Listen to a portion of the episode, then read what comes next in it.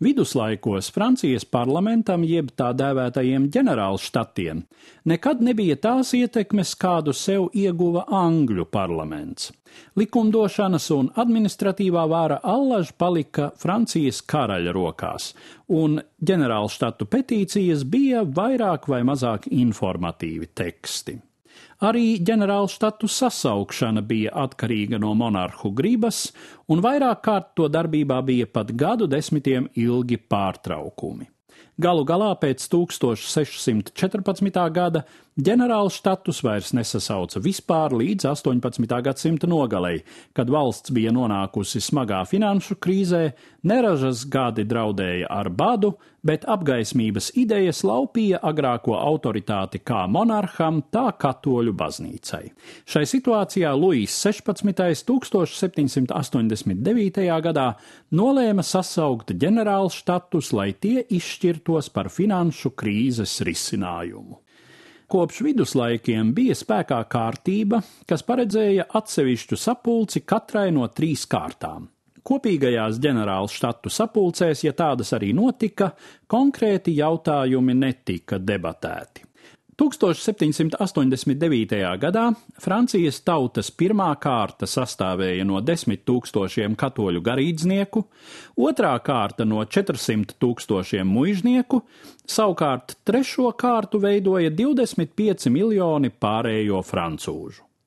Trešā kārta gan panāca, ka tās sapulcē deputātu skaits bija divreiz lielāks nekā pārējās divās, taču lēmumu pieņemšana notika katrā sapulcē atsevišķi, tāpēc būtībā 578 deputātiem trešās kārtas sapulcē bija tāds pats svars kā uz pusi mazākam deputātu skaitam pirmās un otrās kārtas sapulcēs.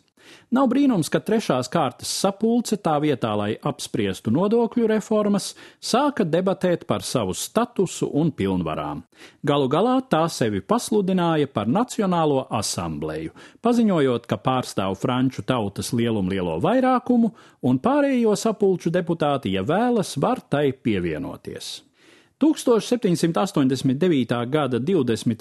jūnijā Nacionālās asamblejas deputāti, ieradušies pie sēžu zāles Versaļā, atrada durvis slēgtas un kareivju apsargātas.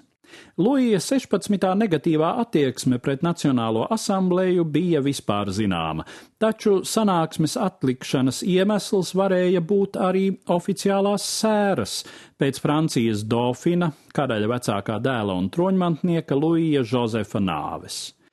Tomēr trešās kārtas deputāti slēgtajās durvīs saskatīja monarha vēlmi laupīt viņiem tautas dotās pilnvaras.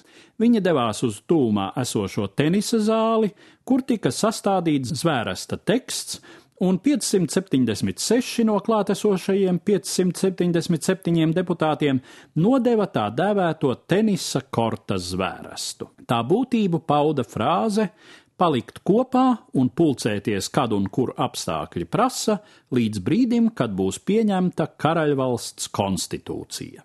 Konstitūcijas prasība nozīmēja principiālu valsts ideoloģijas maiņu.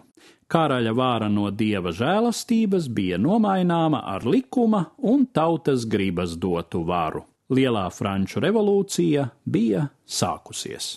Stāstīja Eduards Liniņš.